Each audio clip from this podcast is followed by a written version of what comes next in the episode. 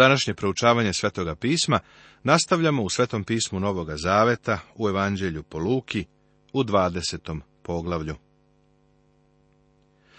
U poglavlju koje je pred nama, Gospod Isus je u Jerusalimu. On je u devetom poglavlju čvrsto i postojano rešio da ide u Jerusalim i sada je tu. U tri različita dana ulazio je u grad i to su bili takozvani triumfalni ulasci. Nikada nije proveo noć u Jerusalimu. Plakao je nad gradom, a zatim je po drugi put raščistio hram. Sada dolazimo do Hristovog posljednjeg susreta sa religioznim vođama. Njegov autoritet je pod sumnjom, što ga je navelo na kazivanje priče o vinogradu. Zatim ga ispituju u vezi sa plaćanjem poreza Cezaru. Sadukeji ga pitaju o vaskrsenju i konačno on ima zanimljivo pitanje za pismoznance. Izazov Isusovom autoritetu i kad je jednog dana učio narod u hramu, propovedao evanđelje, pristupiše mu prvosveštenici i književnici sa starešinama. I rekoše mu, kaži nam, kakvom vlašću činiš to? Ili, ko je taj koji ti je dao tu vlast? A oni mu odgovoru reče, ja ću vam uputiti jedno pitanje, pa mi kažite. Isus je svakoga dana ulazio u hram i poučavao je, sve dok ga nisu uhapsili u vreme pashe. Koristio je Sokratovski sistem odgovaranja na pitanja. Odgovarao je postavljajući pitanje. Evo njegovog pitanja. Da li je Jovanovo krštenje bilo s neba ili od ljudi? Ovo je bilo pitanje na koje religijske vođe nisu mogle da odgovore, a da se ne osude. Morali su da se okupe i vide šta da odgovore. A oni promišljahu među sobom govoreći. Ako kažemo s neba, reći će, zašto mu niste poverovali. Ako pat kažemo od ljudi, sav narod će nas pobiti kamenjem, jer je uveren da je Jovan prorok. I odgovoriše da ne znaju, otkuta je.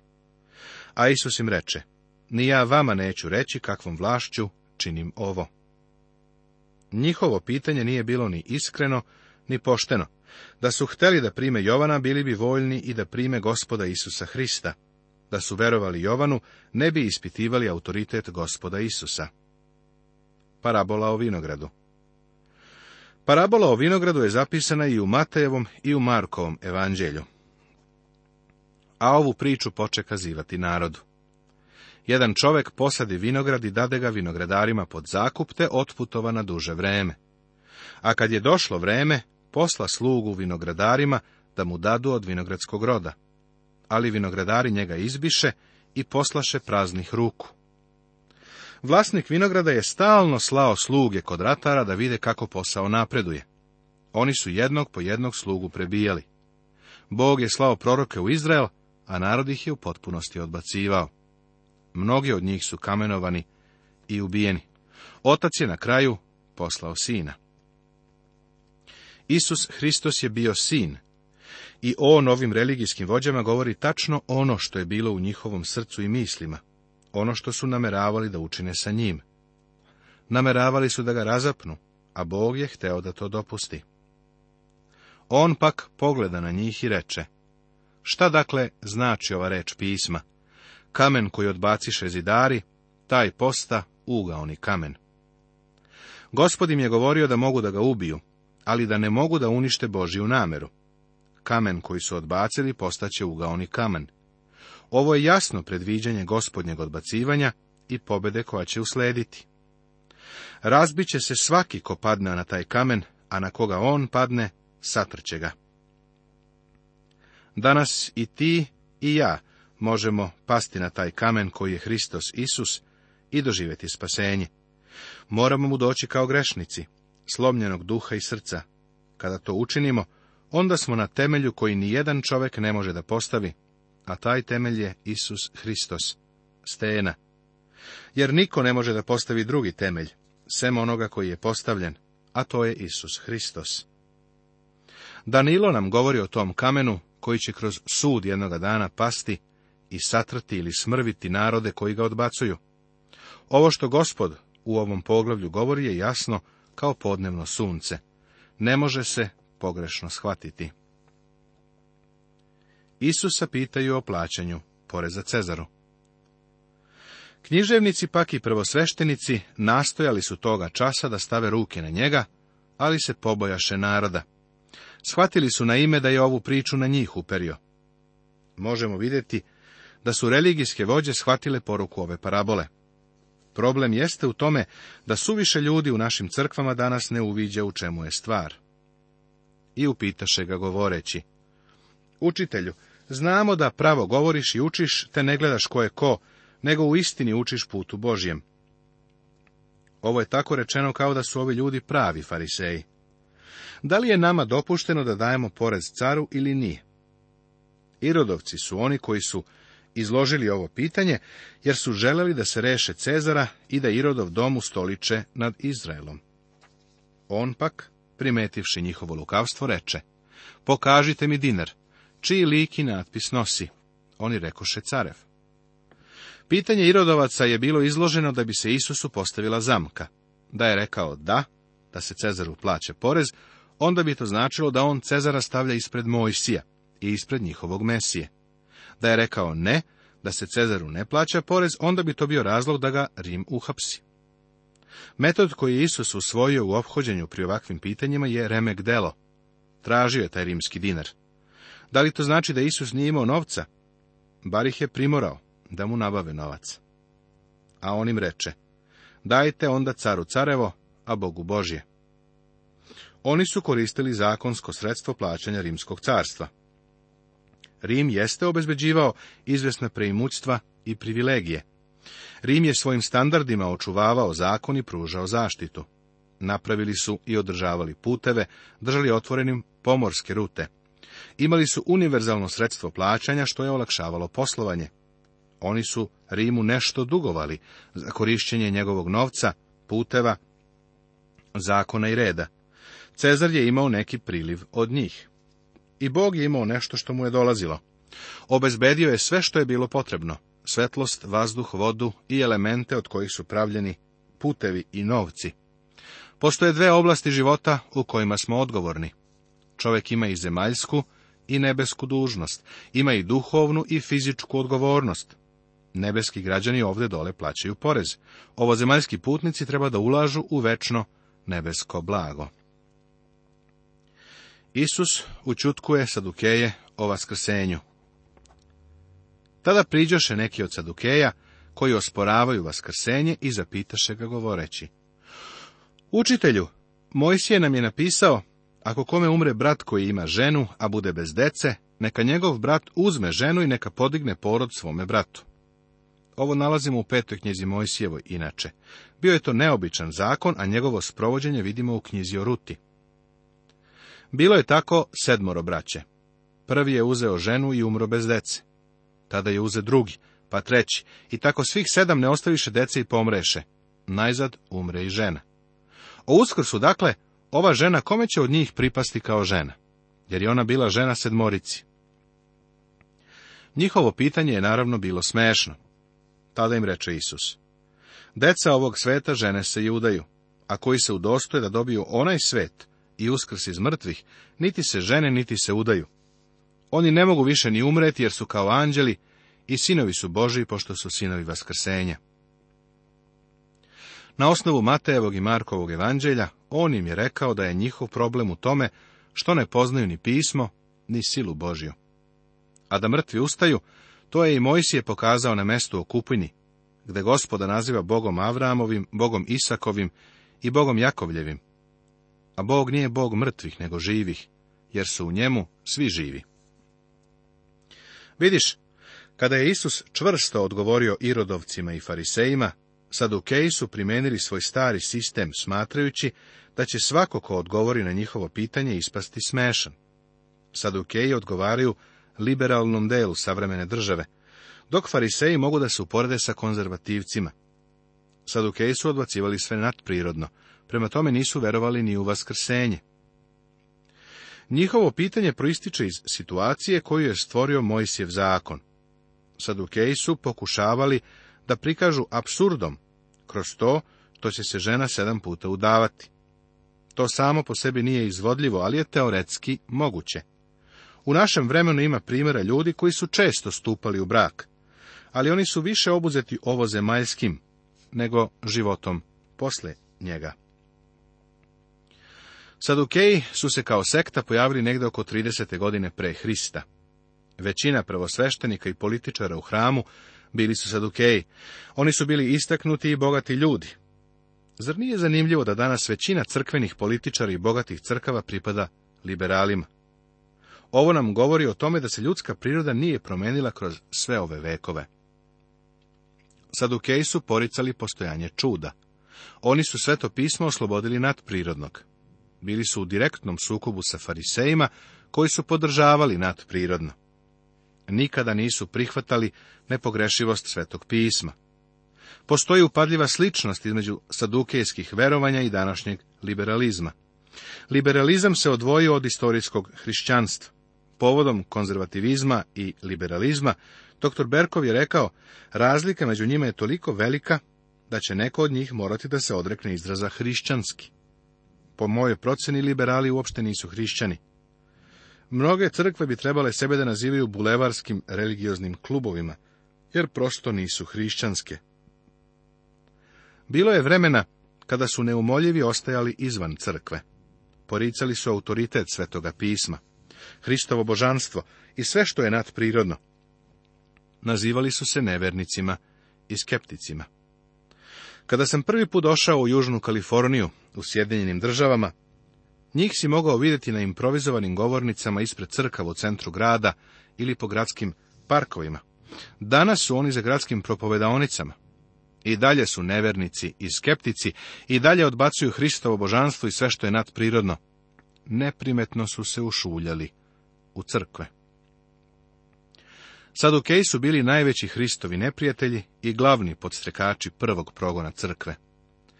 Fariseji i Sadukeji su predvodili progonstvo gospoda Isusa. Nakon gospodnje smrti, Fariseji su napustili ceo taj slučaj. Više nisu bili zainteresovani za progon Hrista, ni Hristovih sledbenika. U stvari, mnogi od njih su postali hrišćani. Međutim, Sadukeji su nastavili sa proganjanjem crkve. O tome možeš da čitaš u trećoj i četvrtoj glavi dela apostolskih. Vaskrsenje je bilo iskušenje za Sadukeje, kao što je sada i za liberale. Oni ne veruju u bukvalno vaskrsenje. Zanimljivo je da u Svetom pismu nigde ne piše o Sadukeju, koji je radi spasenja došao Hristu. Farisej po imenu Nikodim se obratio, a u delima u šestom poglavlju piše, mnogi sveštenici se pokoravahu veri. Mnogi sveštenici su postali vernici, ali o obraćenju Sadukeje ne piše ništa.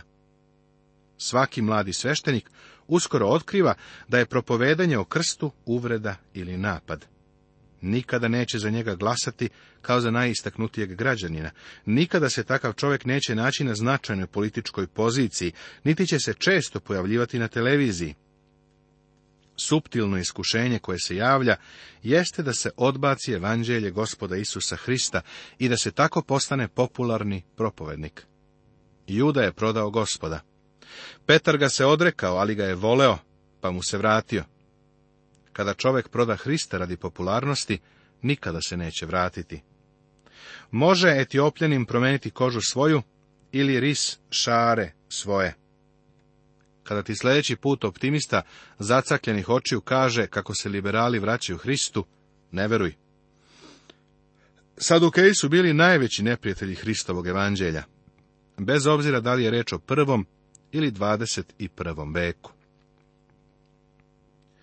Gospod ispituje pismoznance.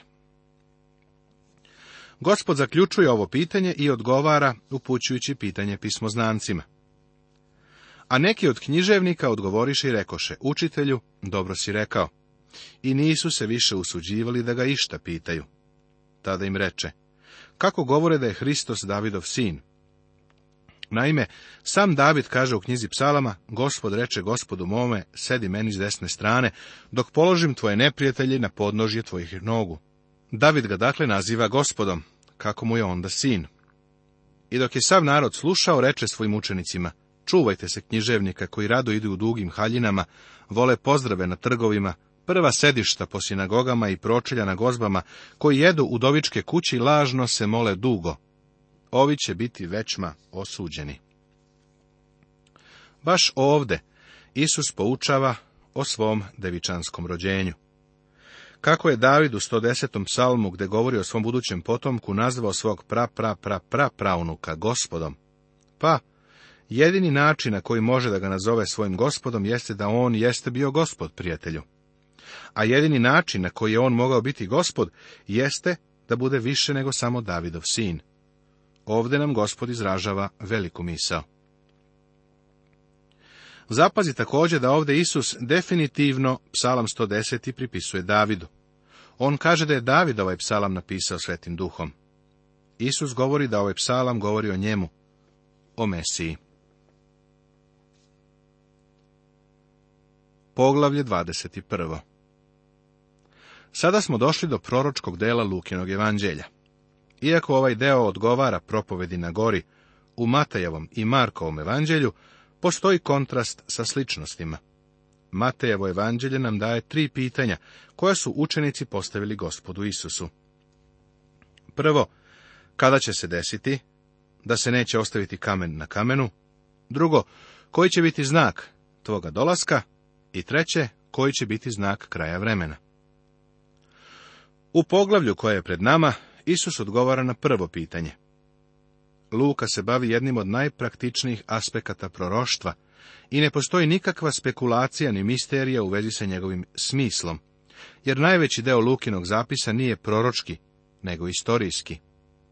Ovo je ispunjeno 70. godine posle Hrista.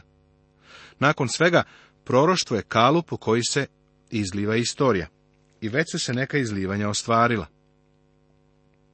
Poglavlje započinje prikazom Isusa kako posmatra narod koji daje i Isusovom pohvalom siromašne udovice.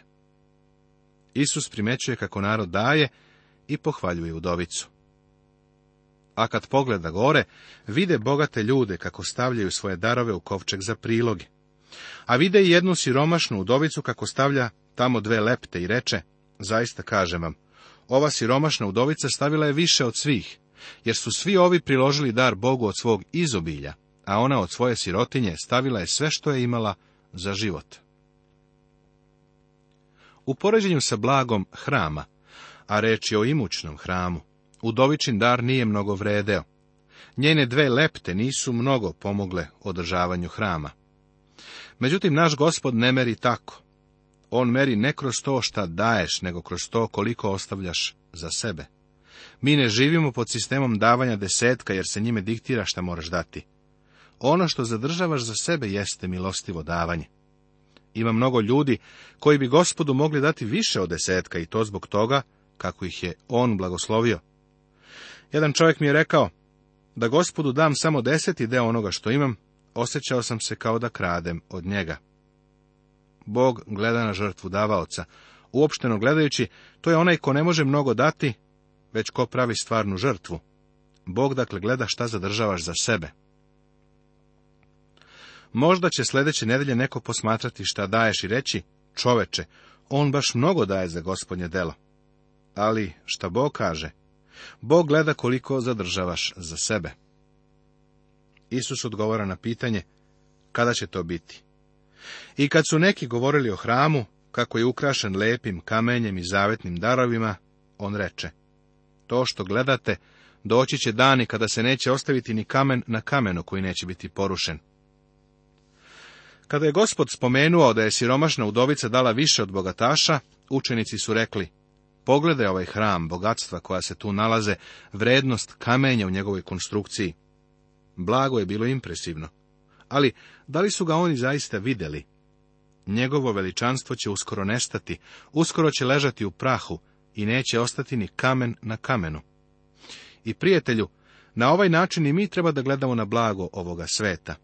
Ono neće dugo trajati, uskoro će proći. A oni ga zapitaše govoreći, učitelju, pa kad će to biti? I kakav je znak kad će se to dogoditi? vidjet ćeš da je u Matejevom i Markovom evanđelju naglasak stavljen na dva posljednja pitanja, koja su postavljena gospodu Isusu. Koji je znak tvoga dolaska i koji je znak kraja veka? U Matejevom evanđelju je značajniji Hristov povratak, pa on daje odgovor koji se na to i odnosi. Sada u Lukinom evanđelju gospod ističe da se neće ostaviti ni kamen na kamenu, odnosno govori se o razorenju Jerusalima. Iako je ovo deo propovedi na gori, gospod je verovatno učenicima odgovorio na prvo pitanje. A kasnije, kada su stigli do Maslinske gore i detaljno ga pitali, dao im je i zvanični i potpuni iskaz koji nalazimo u Matevom evanđelju. Nesumnjivo je da je gospodova učenja stalno ponavljao. Nakon svega, ponavljanje je način učenja. On pak reče, Pazite da vas ne zavedu, jer će mnogi doći u moje ime govoreći ja sam i vreme se približilo, ne idite za njima.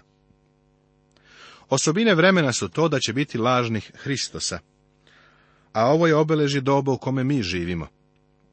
I bilo je sve od vremena kada je Isus bio na zemlji. Još u njegovo vreme bilo je lažnih mesija, a i danas ima onih koji sebi pripisuju nadprirodne moći. Iako vrlo mnogo govore o Isusu, oni se stavljaju na njegovo mesto, uzimaju slavu koja njemu pripada. Mislim da i sada ima nekoliko lažnih Hristosa oko nas, a lažnih religija nam ne manjka. Ne plašite se kad čujete za ratove i bune, jer prvo mora toga da bude, ali nije odmah kraj. Tada im reče, ustaće narod na narod i carstvo na carstvo. Rat je sljedeće obeležje doba kako se budemo približavali kraju vremena, rat će se intenzivirati. Iako pacifizam raste, Božja reč kaže, kad naime kažu mir i sigurnost, tada će iznenada naići na njih pogibao, kao bol na trudnu ženu i neće uteći. Baš sada se nalazimo u toj situaciji. Rat obeležava vreme do gospodnjeg povratka. Pa će biti velikih zemljotresa, gladi i kuge po različitim mestima, strahota i velikih znakova na nebu. Evo još jedne odlike vremena koja postaje sve jača, što se vreme približava kraju. A pre svega metnuće svoje ruke na vas i gonit će vas, predavat će vas u sinagogi i u tamnice, odvodit će vas pred kraljeve i namesnike zbog moga imena. To će vam biti prilika da svedočite. Urežite duboko u svoja srca da se ne pripremate kako ćete se braniti, jer ću vam ja dati usta i mudrost, koje neće moći da se usprotive, niti da protivreče svi vaši protivnici nastavit će se.